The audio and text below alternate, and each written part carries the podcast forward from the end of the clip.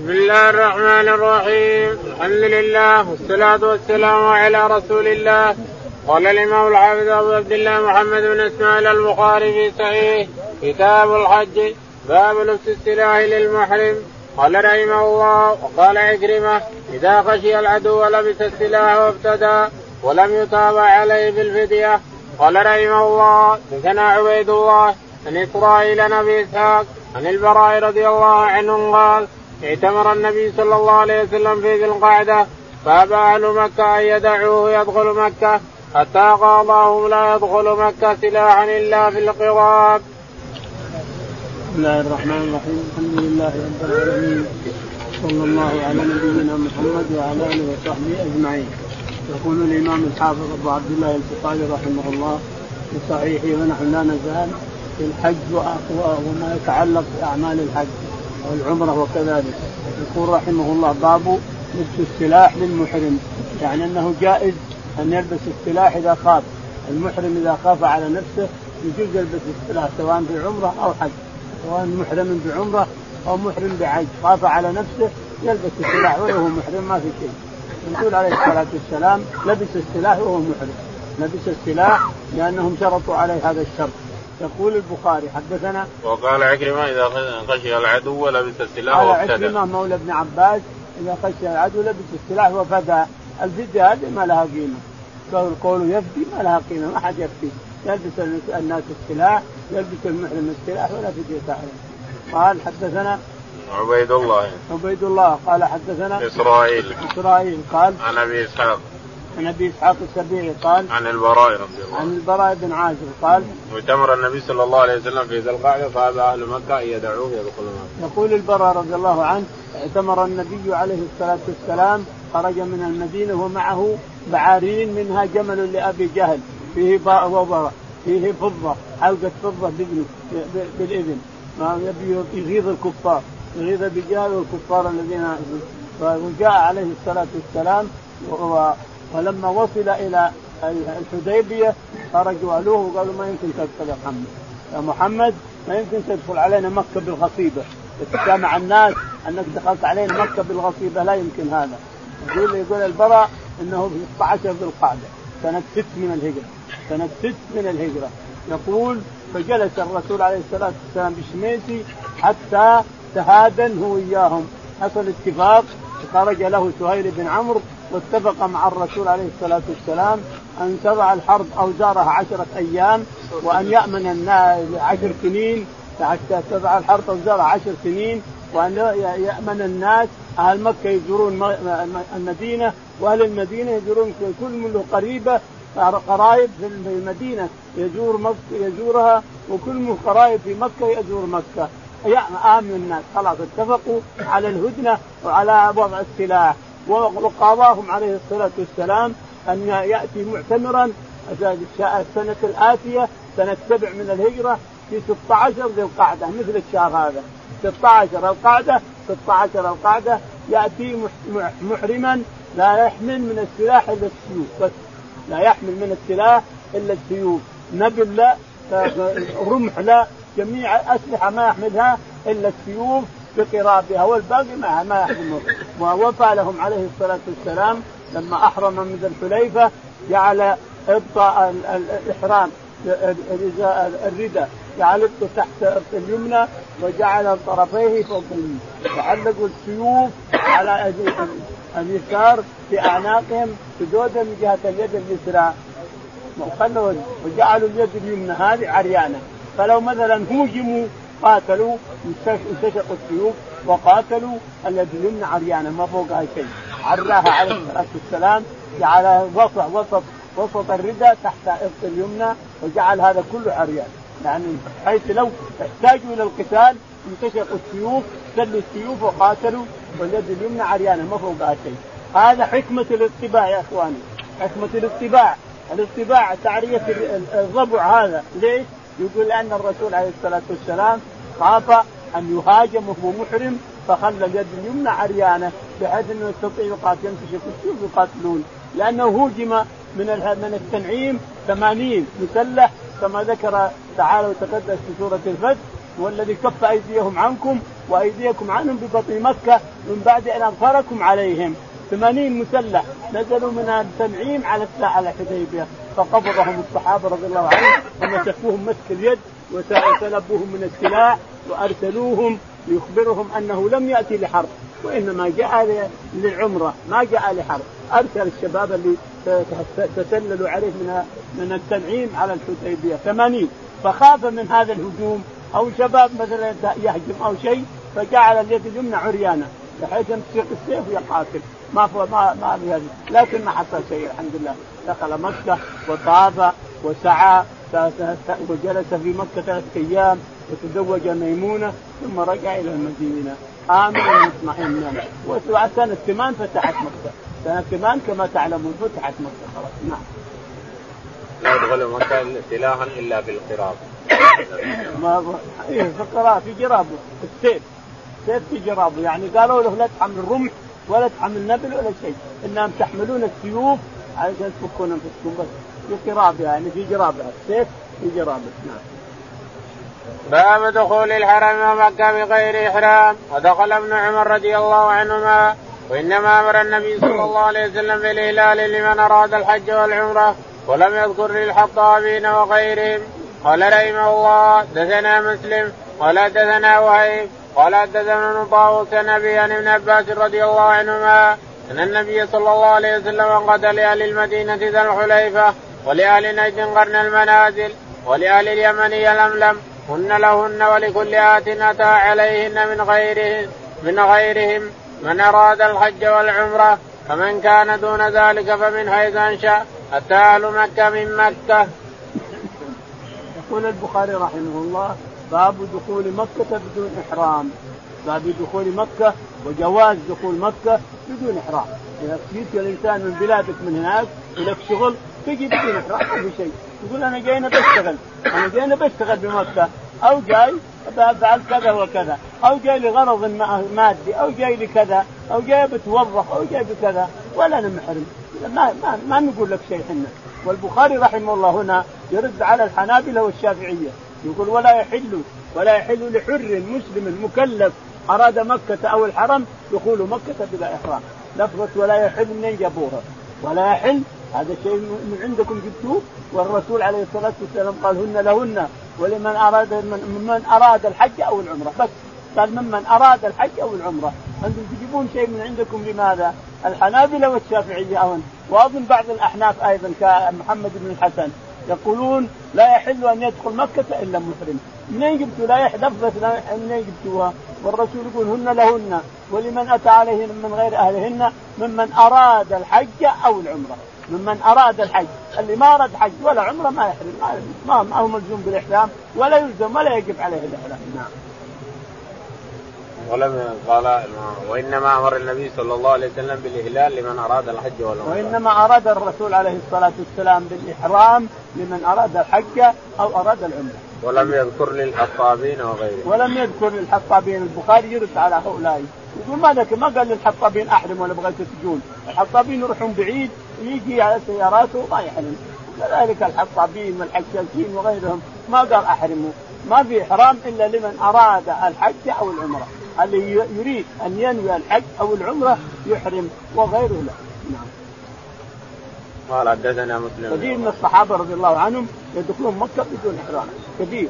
العمر يتكرر دائما يدخل مكة بلا إحرام وغيره من الصحابة يدخلون بلا إحرام إلا إذا أراد حج أو عمرة احرما وقال حدثنا مسلم بن إبراهيم. يقول البخاري رحمه الله حدثنا مسلم بن إبراهيم قال حدثنا وهيب بن خالد. وهيب بن وهيب بن خالد قال حدثنا عبد الله بن طاووس. عبد الله بن طاووس عن أبيه. عن أبيه طاووس عن ابن عباس. عن ابن عباس رضي الله عنهما قال النبي صلى الله عليه وسلم قتل لاهل المدينة ذا الحليفه يقول ابن عباس إن النبي عليه الصلاة والسلام وقت المواقيت المكانية المواقيت المكانية. وقت لأهل المدينة ذي الحليفة ولأهل نجد من المنازل ولأهل اليمن يلملم الأرض فكل جهة من الجهات الأربع للكعبة وقت لهم موقعات هذا المواقيت قبل أن تسلم أمم الأرض.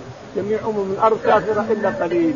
جميع أمم الأرض كافرة وقت لهم هذه المواقيت. أهل اليمن يلملم وأهل المدينة الحليفة وأهل وأهل العراق وغيره ذات عرق وأهل نجد السيل اللي يسمونه قرن المنازل إلى آخره. وقفت أربع أربع مواقيت الآن تحجها الناس. من يوم بعث الرسول عليه الصلاة والسلام إلى يوم القيامة والناس تحج تحج وتحرم من تلك المواقيت اللي وقتها الرسول عليه الصلاة والسلام. ومن تعداها حتى لو جاهل أو نايم أو ناسي أو ضايع أو شيء فإن عليه دم. إذا تعدى الميقات واحرم من دونه فإن عليه دم سواء كان ضايع أو نايم أو جاهل أو ما ما يعرف المواقيت أو شيء من هذا ما يعذر ما يعذر بالجهل هذا الذي يحرم من الميقات لازم من الميقات وإلا عليه دم لأنه تعدى المواقيت اللي توقتها الرسول عليه الصلاة والسلام.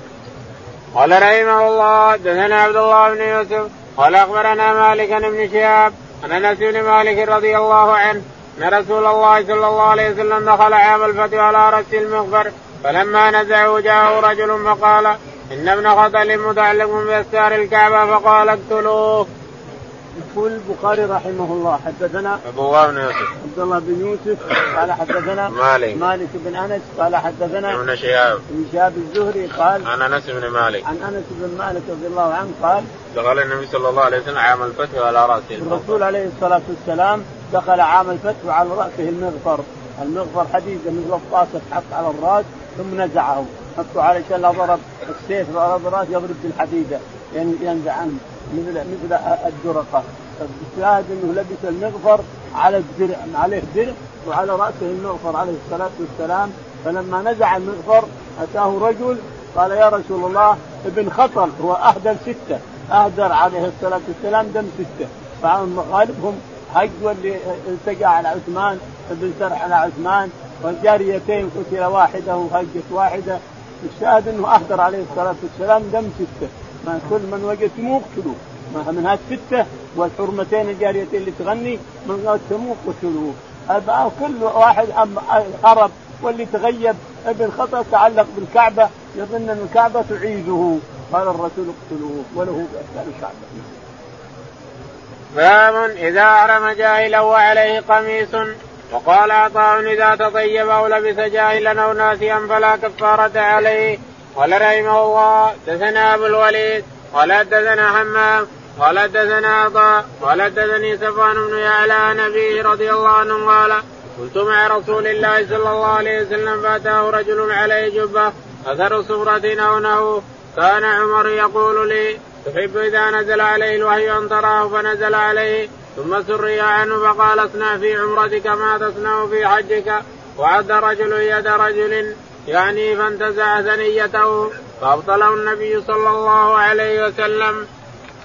يقول البخاري رحمه الله حدثنا باب إذا أحرم جاهلا وعليه قميص. باب إذا أحرم جاهلا وعليه قميص أو تطيب بالطيب جاهل أو مثلا أما الفد الاتلاف الاتلاف فلا يعذر فيه الجاهل.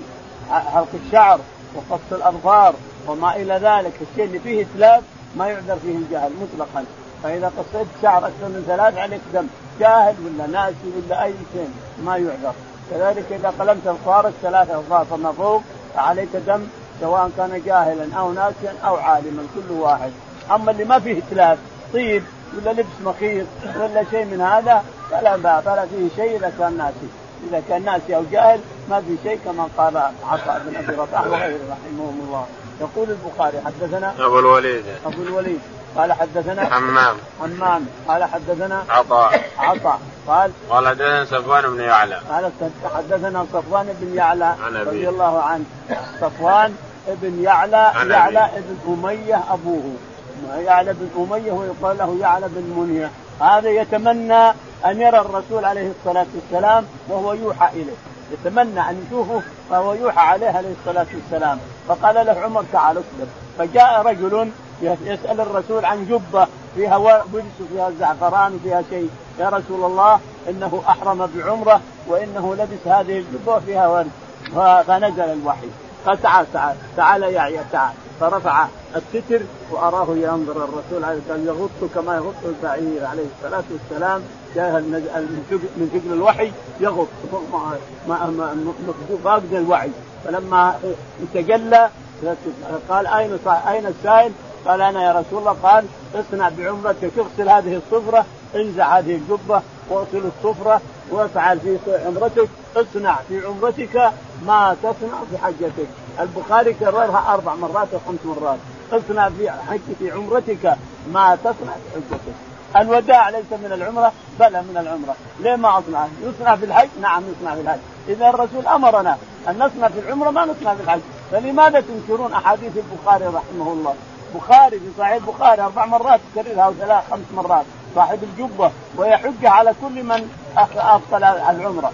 كل من أبطل الوداع للعمرة حجة عليها حجة على هذا الحديث صاحب السنة السالم يعلى رضي الله تعالى عنه رأى الرسول وهو يغط كما يغط البعير يعني فاقد وعيه من الوحي. ثم لما سري عنه سأل عن السائل قال أنا فقال له اصنع انزع عنك هذه الجبة واغسلها يعني ولا يقال لك عليك فدو ولا فدو لأنه جاهل. وهذا حجة البخاري رحمه الله. الجاهل يقول باب الجاهل وغيره يعذر الجاهل يعذر والناس يعذر في الشيء اللي ما فيه إتلاف. الشيء اللي ما فيه إتلاف شعر ما أتلف شعر ولا أتلف قفر ما فيه إتلاف. كل هذا يعذر فيه الجاهل والناس اللي ما فيه إتلاف. أما اللي فيه إتلاف فلا يعذر فيه أحد. ما يعذر فيه لا جاهل ولا ناسي ولا عامل. لازم فدية. فوق ثلاث شعرات فدية فوق ثلاثة أظفار فدية إلى آخره وعض رجل يد رجل. وعض رجل يد رجل. فأبطل الرجل فأبطل الرسول عليه الصلاة والسلام ثنيته لما نزاها قال تقضم أخوك تقضم أخاك. قضم الفحل. مثل الجمل كأنك جمل تقضم أصابعك خلي يده بيده يده بسنونك ما يصير. نزعها خلاص إنك راح راح أهدره عليه الصلاة والسلام. معنى هذا أن كل إنسان يتعدى على مسلم يعضه يخلع أسنانه أو يعضه أو يفعل شيء من هذا أنه لا يترك يده ولا يترك منه يبي يدافع عن نفسه. فمن دفاعي لنفسي أجر يدي من أسنانه صالح طاحت الثنية. ثانية فاشتكى على الرسول قال هل تحط يدك؟ تقضم أخوك قضم الفحل قضم الجمل تقضم أصابعه كما يترك يده في فمك ما يمكن بيجرها بيدافع عن نفسه. جرها طاحت الثنية ما لك شيء. فاهدرها عليه الصلاة والسلام.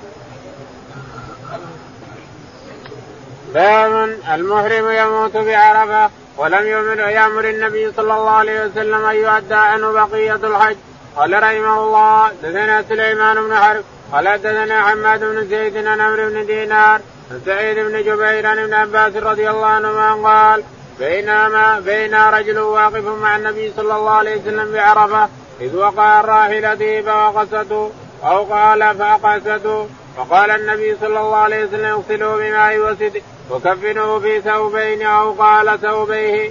ولا تحنطوا ولا تخمروا رأسه. فإن الله يبعثه يوم القيامة يلبي. يقول البخاري رحمه الله باب الإنسان يموت بعرفة وهو محرم. باب الإنسان يموت بعرفة وهو محرم. ماذا يصنع به؟ يترك يلبي يبعث يقول الرسول عليه الصلاة والسلام إنه يبعث يلبي من حالتين إنسان قتل في سبيل الله يترك كما هو. ما يحق عليه شيء ولا يغسل ولا يكفن ولا يصلى عليه. يدفن بثيابه يبعث يلبي وهذا المحرم يبعث يلبي المحرم يموت وهو محرم يبعث يلبي ولا يؤدى عنه. يعني ما يكمل عنه الحج. يقول ها هو بعرفة. ولازم نكمل عنه. يقول لك لا لأنه يبعث يلبي ما دام يبعث يلبي لا تكمل عنه. يقول البخاري رحمه الله حدثنا ولم يأمر النبي صلا الله عليه وسلم أن يعد عنه بقية الحج. ولم يأمر النبي عليه الصلاة والسلام أن يكمل عنه الحج. قال ادفنوه ولا تقربوا طيب ويبعث يوم القيامة يلبي يبعث مع الناس فيسمعوا قدام الناس لبيك اللهم لبيك لبيك محرم. يبعث محرم يبعث من قبره محرم. عليه ثيابه. نعم قال حدثنا سليمان بن حرب. يقول البخاري رحمه الله حدثنا سليمان بن حرب. بن حرب. قال حدثنا حماد بن زيد. حماد بن زيد. قال حدثنا عمرو بن دينار. عمرو بن دينار. عن سعيد بن جبير. ها؟ عن سعيد بن جبير. عن سعيد بن جبير عن ابن عباس. عن ابن عباس رضي الله عنهما أن رجلا قصته راحلته. يعني طاح من راحلته واندق رأسه في الأرض. فأخبر الرسول عليه الصلاة والسلام فقال غسلوه وكفنوه في ثيابه ولا تمسوه طيب غسلوه بماء وسدر ولا يمس طيب ولا تغطوا رأسه. لأنه يبعث يوم القيامة يلبي يبعث يوم القيامة يقوم من قبره يلبي لبيك اللهم قدام الناس. قال رحمه الله دثنا سليمان بن حرب قال دثنا حماد بن أيوب عن سعيد بن جبير عن ابن عباس رضي الله عنهما قال بين رجل واقف مع النبي صلى الله عليه وسلم بعرفه إذ وقع الراحلته فاوقسته أو قال فاوقسته فقال النبي صلى الله عليه وسلم اغسلوا بماء وسل وكفنوه في ثوبين ولا تمسوه طيبا ولا تخمروا رأسه ولا تحنطوه فإن الله يبعثه يوم القيامة ملبيا. يقول البخاري رحمه الله مؤكدا ما سبق ومكرر حدثنا سليمان بن حرب. سليمان بن حرب. قال حدثنا حماد بن زيد. حماد بن زيد. قال حدثنا أيوب السختياني أيوب السختياني عن سعيد بن جبير عن ابن سعيد بن جبير عن ابن عباس رضي الله عنهما معنى الحديث. قال إن رجلا كان واقفا بعرفة مع الرسول عليه الصلاة والسلام فتحركت الناقة وما ما انتبه ما انتبه لها وعلى شداه راكب وتحركت نسيت الناقة تحركت ما انتبه لها طاح. انطح اندق راسه اندق عنقه. فاخبر الرسول عليه الصلاة والسلام قال غسلوه وكفنوه في ثياب هذه ولا تمسوه طيب ولا تحنطوه وغسلوه بماء وسدر. فإنه يبعث يوم القيامة يلبي ولا ولا تكملوا عنه. يعني كمال ما فيه. خلاص يبعث يلبي ما دام يبعث يلبي معناه ما انتهى الحج. إلى الآن ما انتهى الحج. ينتهي يوم القيامة.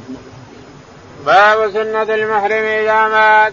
قال رحمه الله دثنا يعقوب بن إبراهيم قال دثنا هشيم قال أخبرنا أبو بش أبو بش عن سعيد بن جبير عن ابن عباس رضي الله عنهما أن رجلا كان مع النبي صلى الله عليه وسلم وقصد ناقته وهو محرم فمات.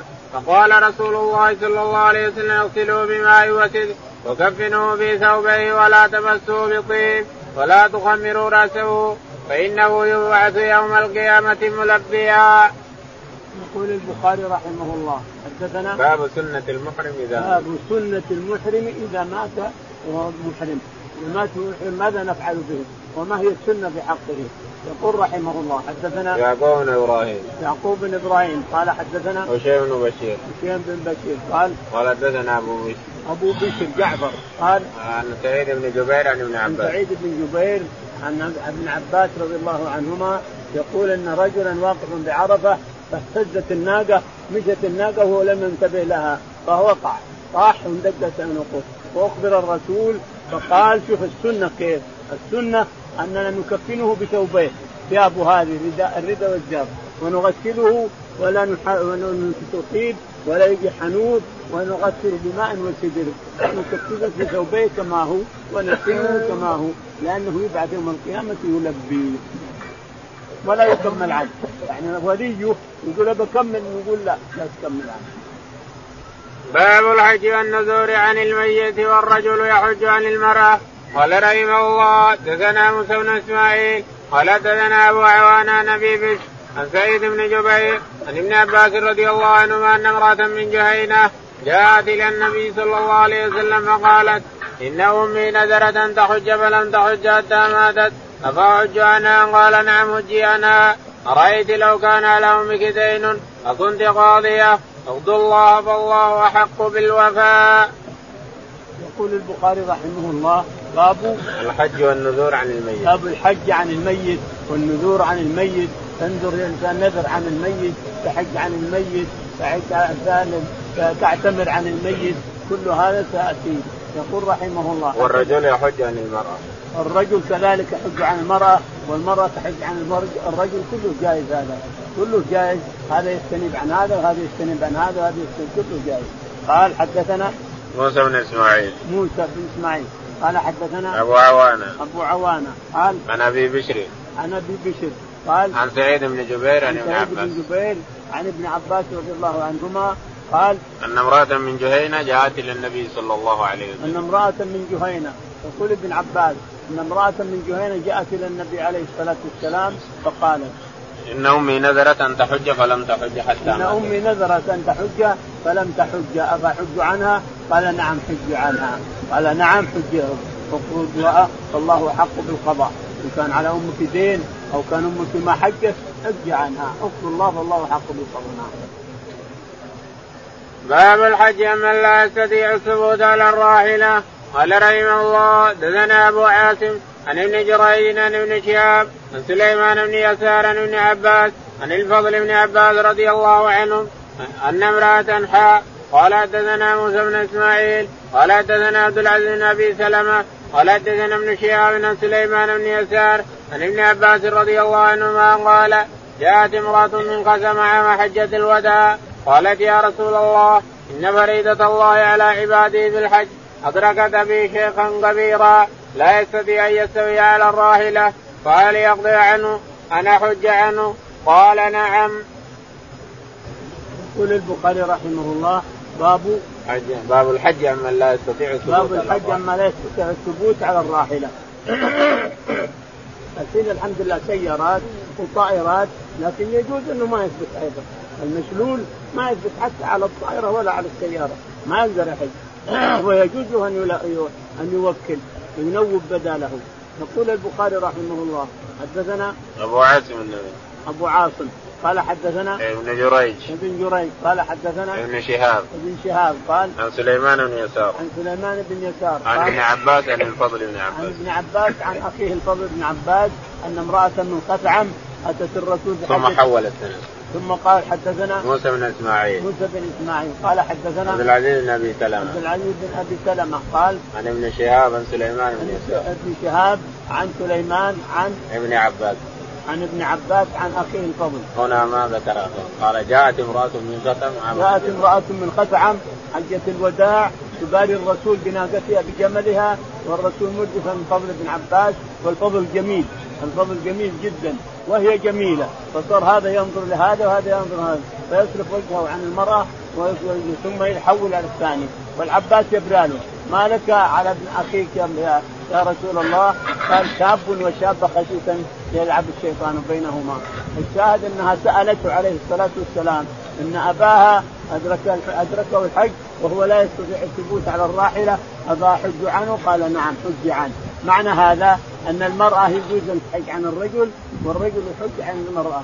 عاد عندنا سؤال وهو أن انسانا بحج بحج عن أبيه أبوه ميت أو أنه مريض أبوه بحجج عنه فهل فما هو الذي يجوز الصفة التي تجوز أن يفعلها الولد بأبيه يحجج عنه عندنا النيابة وعندنا الإجارة وعندنا الجعالة.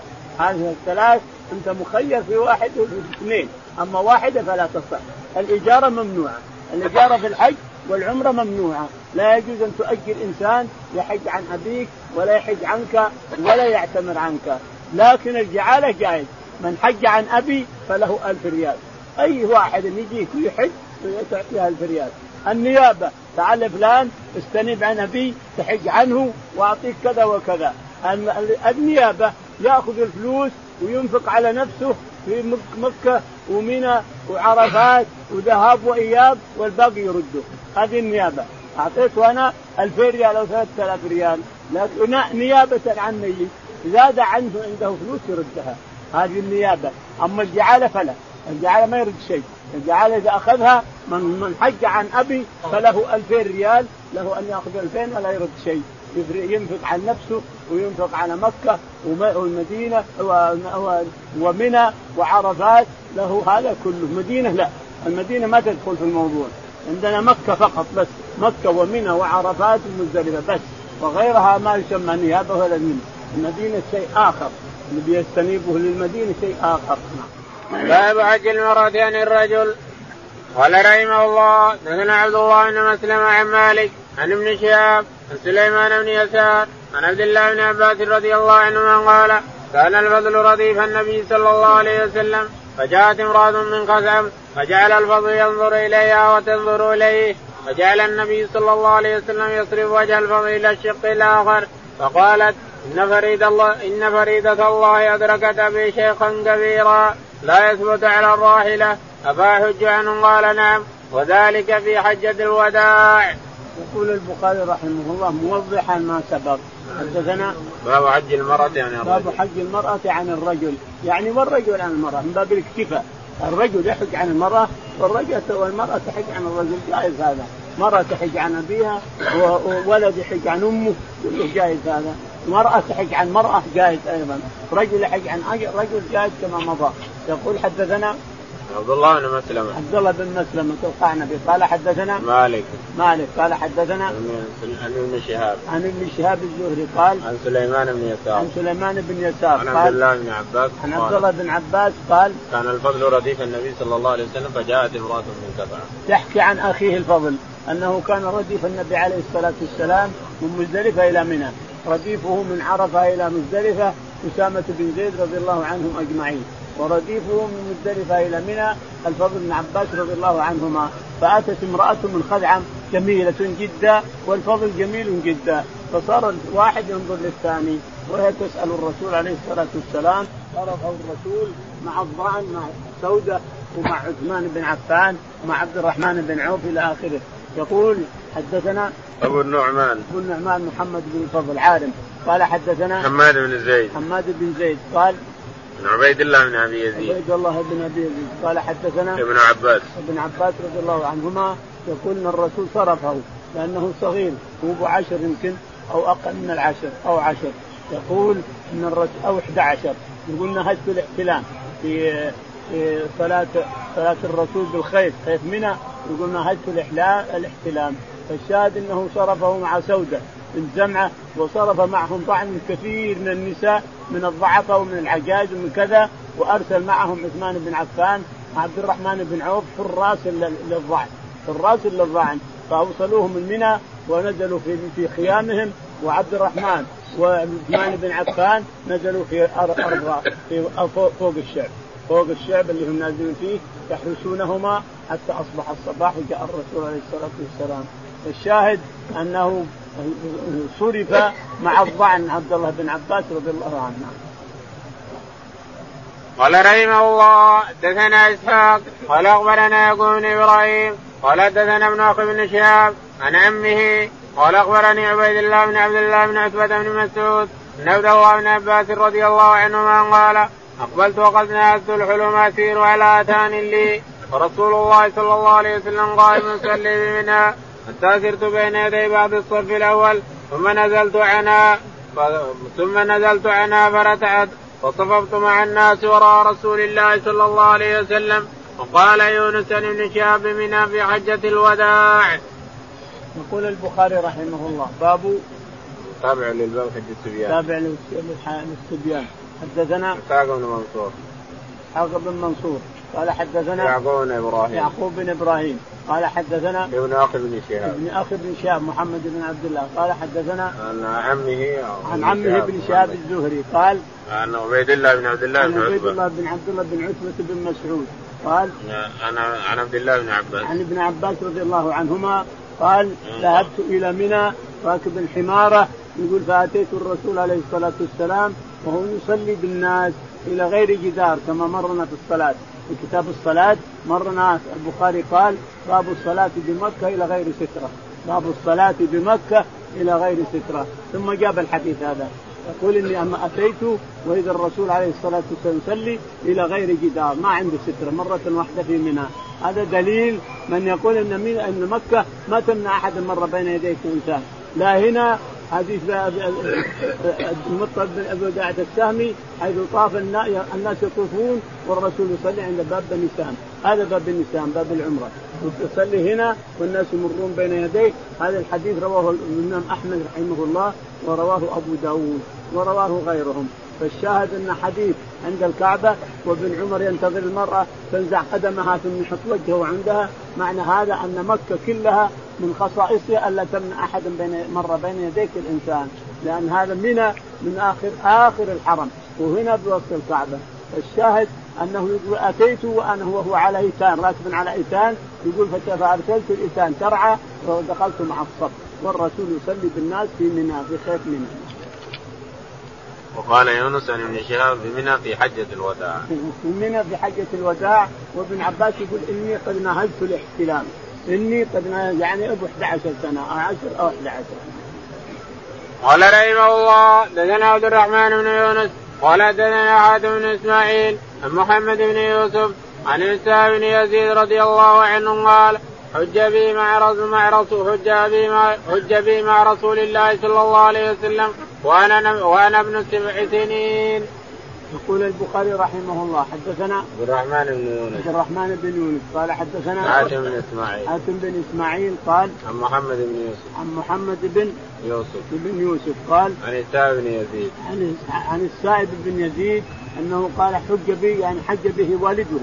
يقول في رواية أبي داود حج بي والدي وأنا ابن ست سنوات. حج به حجة الوداع. السائب بن يزيد حج به والده يزيد وهو ابن ست سنوات فهنا البخاري يقول حج بي يعني حج بي ابو أبي وأنا بن ست سنوات في حجة الوداع مع الرسول عليه الصلاة والسلام. وأنا ابن سبع سنين. وأنا أبو ست أو سبع سنين في أبي داود ست سنوات. وكان عمر بن عبد العزيز رضي الله تعالى عنه يجيبه يستلحقه ويجلسه جنبه ويخليه يحدثه حج بك حجة الوداع وما الذي رأيت وما رأيت وما فعلت وما حصل وما الذي حصل من حجة الوداع إلى آخره نعم. قال رحمه الله دثنا عمرو بن زرارة قال أخبرنا القاسم بن مالك عن الجعيد بن عبد الرحمن لو قال سمعت عمر بن عبد العزيز يقول لسام بن يزيد رضي الله عنهما وكان قد حج به في ثقل النبي صلى الله عليه وسلم. يقول البخاري حدثنا عمرو بن زرارة. عمرو بن زرارة قال حدثنا القاسم بن مالك. القاسم بن مالك قال حدثنا الجعيد بن عبد الرحمن. عن جعيد بن عبد الرحمن عن عمر بن عبد العزيز. عن عمر بن عبد العزيز رضي الله تعالى عنه أنه كان يقرب السائب يقرب السائب بن يزيد ويستفهمه عما حصل في حجة الوداع من الرسول عليه الصلاة والسلام. يحب العلماء ويحب الصحابة رضي الله عنهم وأرضاهم. الخليفة الخامس عمر بن عبد العزيز يقرب السائب بن يزيد ويستفهمه ويستقرأ منه ما حصل في حجة الوداع. باب حج النساء. وقال لي أحمد بن محمد حدثنا إبراهيم عن ابي عن جده اذن عمر رضي الله عنه لأزواج النبي صلى الله عليه وسلم في آخر حجة حجها فبعث معهن عثمان بن عفان وعبد الرحمن رضي الله عنهما. يقول البخاري رحمه الله باب حج النساء. حدثنا وقال لي أحمد بن محمد. وقال لي يعني معلق أحمد بن محمد المروزي. قال حدثنا إبراهيم. إبراهيم بن سعد. عن أبيه سعد بن إبراهيم. عن جده. عن جده سعد بن إبراهيم. قال قال أذن عمر رضي الله عنه لازواج النبي صلى الله عليه وسلم في آخر حجة حجها أذن عمر رضي الله عنه. أذن عمر رضي الله عنه في آخر حج آخر حجة حجها عمر. لما حج حج نساء الرسول معه التسع ثم أذن لهن بالانصراف بعد منتصف الليل وأرسل معهن عثمان وعبد الرحمن بن عوف يجد يحرسونهم لأن العالم كثروا وليس مثل وقت الصحابة رضي الله عنهم. فأرسل عبد الرحمن بن عوف وعثمان بن عوف عبد الرحمن عثمان بن عفان وعبد الرحمن يحرسونهما فنزل لما وصل إلى منى النساء نساء الرسول دخلوا بيوتهم وخيامهم وعبد الرحمن وعثمان وقفوا في الشعب. في أول الشعب. هنا جلسوا فيه حتى طلع النهار وجاء الناس. قال رحمه الله دثنا مسدد قال دثنا عبد الواحد قال دثني حبيب بن أبي عمرو قال دثنا عائشة رضي الله عائشه عائشة بنت طلحة عن عائشة أم المؤمنين رضي الله عنها قالت قلت يا رسول الله ألا نغزو ونجاهد معكم؟ فقال لكن احسن الجهاد واجمله الحج مبرور. قال الحج حج مبرور. فقالت عائشة فلا فلا ادعو الحج بعد إذ سمعت هذا من رسول الله صلى الله عليه وسلم. يقول البخاري رحمه الله حدثنا مسدد. مسدد قال حدثنا عبد الواحد. عبد الواحد قال حدثنا حبيب بن أبي عمرو. حبيب ابن أبي عمرو. بن أبي عمرو قال عن عائشة بنت طلحة. عن عائشة بن طلحة. عن عائشة, عن عائشة رضي الله تعالى عنها. عائشة خالتها عائشة بن طلحة عائشة أم المؤمنين قالت عائشة بن طلحة. يعني أمها أم كلثوم بنت أبي بكر الصديق رضي الله تعالى عنهم أجمعين.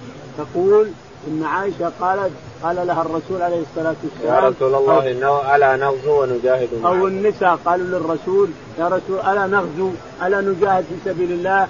قال لكن جهاد لكن جهاد. أحسن الجهاد. أحسن الجهاد وأجمل الجهاد الحج المبرور.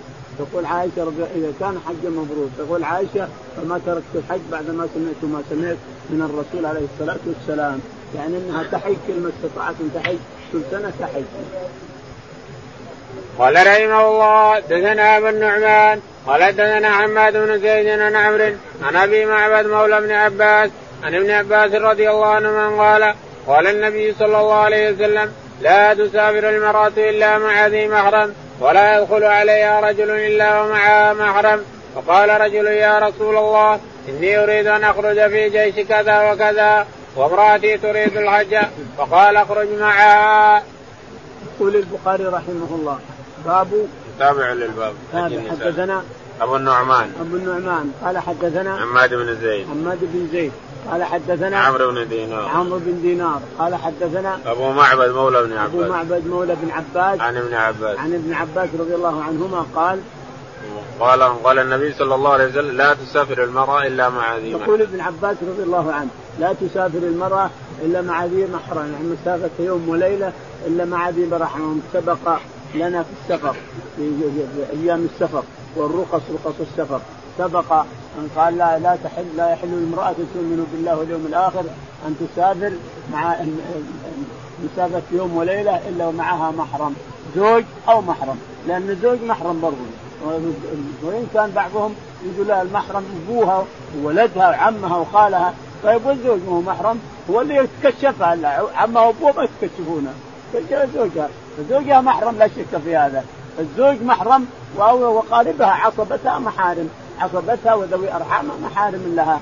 تحج معهم وتعتمر معهم. ويقول البخاري إنه جاء رجل للرسول عليه الصلاة والسلام فقال انني اكتتبت إن امرأتي خرجت للحج خرجت للحج وأنا اكتتبت في قتال في جهاد كذا وكذا. فاذهب مع امرأة يعني ينسخ ينسخ اسمك من الجهاد تذهب مع امرأتك تكون محرما لها. نعم.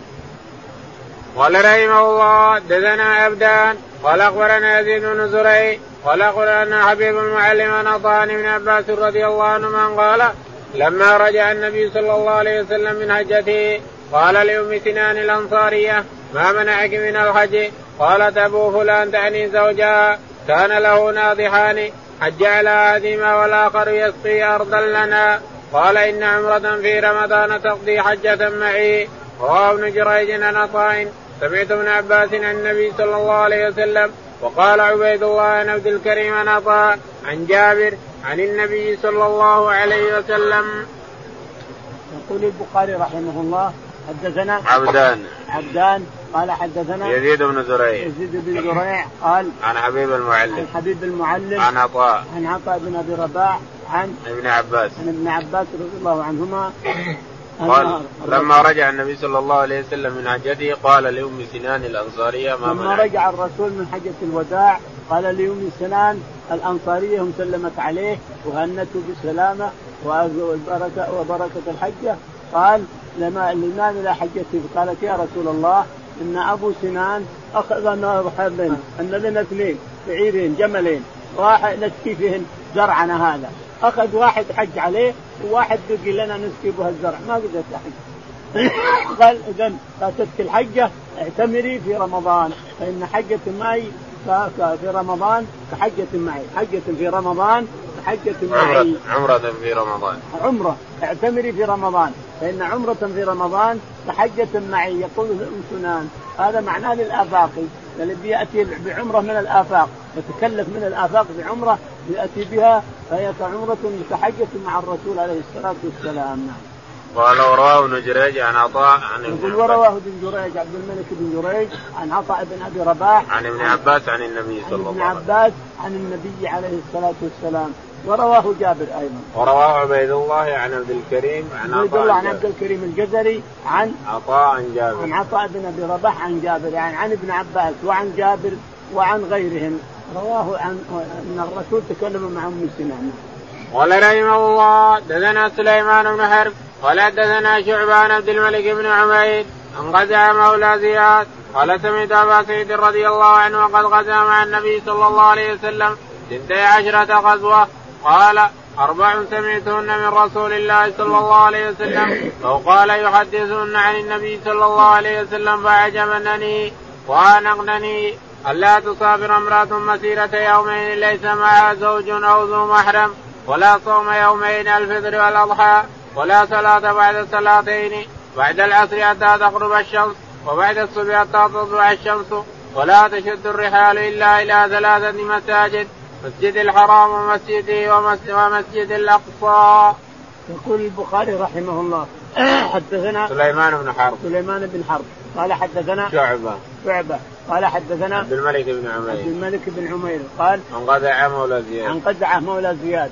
قال حدثنا أبو سعيد الخدري. أبو سعيد الخدري رضي الله تعالى عنه أنه قال سمعت الرسول عليه من الرسول عليه الصلاة والسلام أربع كلمات أعجبنني وأعمل بهن إن شاء الله. الأولى لا تسافر المرأة لا تسافر المرأة إلا مسافة يومين إلا مع ذي محرم. زوج أو من تحرم عليه على التأبيد بنسب أو سبب مباح. أما زوج أو من تحرم عليه على التأبيد تحرم عليه نكاحا. على التأبيد بسبب أو بنسب أو سبب مباح كالرضاع مثلا. نسب أو سبب مباح كأخوها من الرضاعة وأبوها من الرضاعة إلى ذلك. والثانية؟ الثانية ولا صوم يومين الفطر والأضحى ولا ولا يصوم أحد يومين الفطر والإضحى حرمه الله تعالى وتقدم. ولا ولا صلاة بعد صلاتين ولا صلاة بعد صلاتين. صلاة الفجر حتى تطلع الشمس ترتفع وصلاة العصر حتى تغرب الشمس. ولا تشد الرحال إلا إلى ثلاثة. ولا تشد الرحال إلا إلى ثلاثة مساجد مسجد المسجد هذا ومسجد الرسول والمسجد الوقت. هذا السؤال هنا لو أراد إنسان أن يستأجر إنسان يروح يزور مسجد الرسول هل يجوز؟ تقول لا ما يجوز. لا لا يحل هذا لأنه لم يرد عن النبي عليه الصلاة والسلام ولا عن الصحابة، أنت تروح تزور المسجد لا بأس، أما تستأجر من يزوره عنك فهذا باطل ولم يفعله أحد من الصحابة. نعم. باب من نذر المشي إلى الكعبة. اللهم اهدنا فيمن هديت وعافنا فيمن عافيت تولنا فيمن توليت. اللهم توفنا مسلمين والحقنا بالصالحين بسم الله الرحمن الرحيم. الحمد لله والصلاة والسلام على رسول الله. قال الإمام الحافظ أبو عبد الله محمد بن إسماعيل البخاري في صحيح كتاب الحج باب من نذر المشي إلى الكعبة.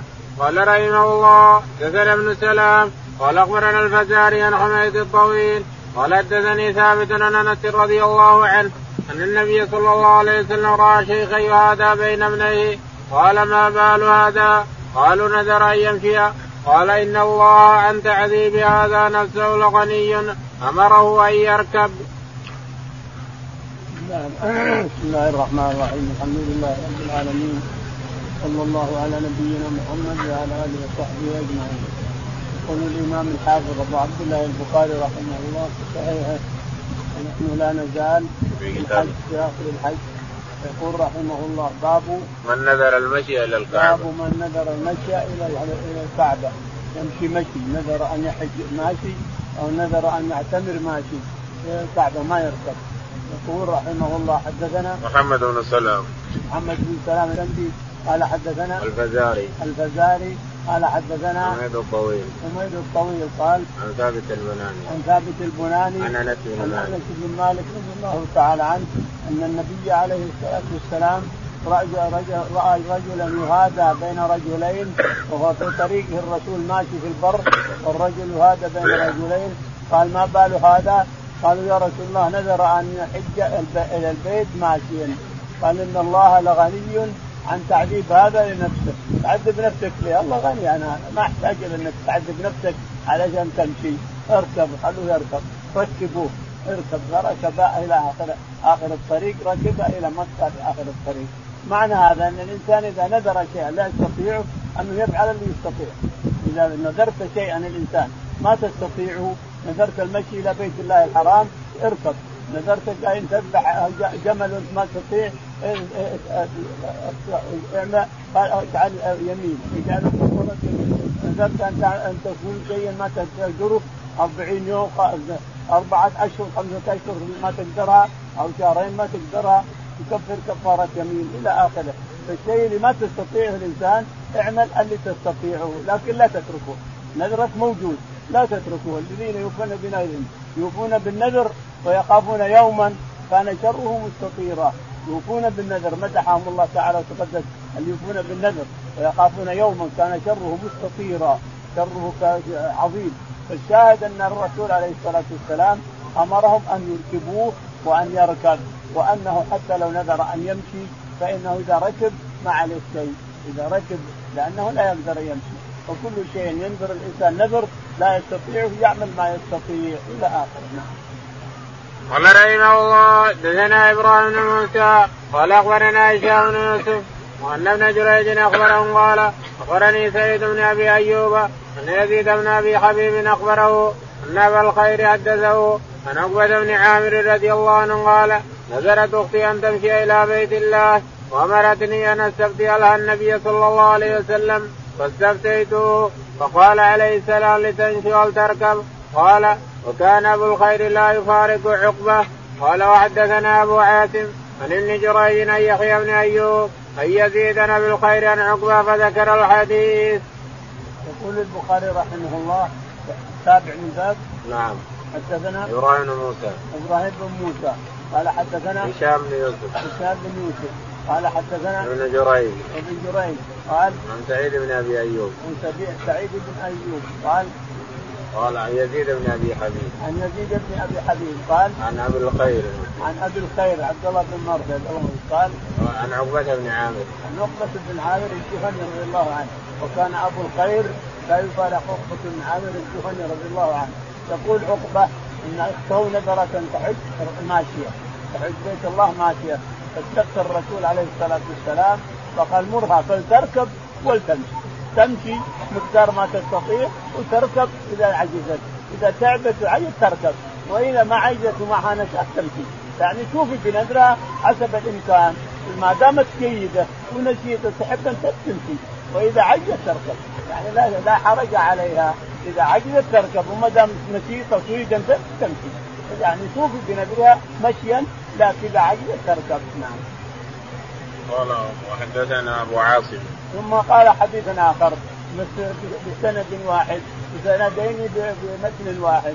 حدثنا أبو عاصم. أبو عاصم النبي قال. عن ابن جريج. عن ابن جريج قال حدثنا يحيى بن أيوب. يحيى بن أيوب قال عن يزيد عن أبي الخير. عن يزيد عن أبي الخير عن نقطة بن عامر أن أخته نذرت تمشي إلى بيت الله الحرام. نعم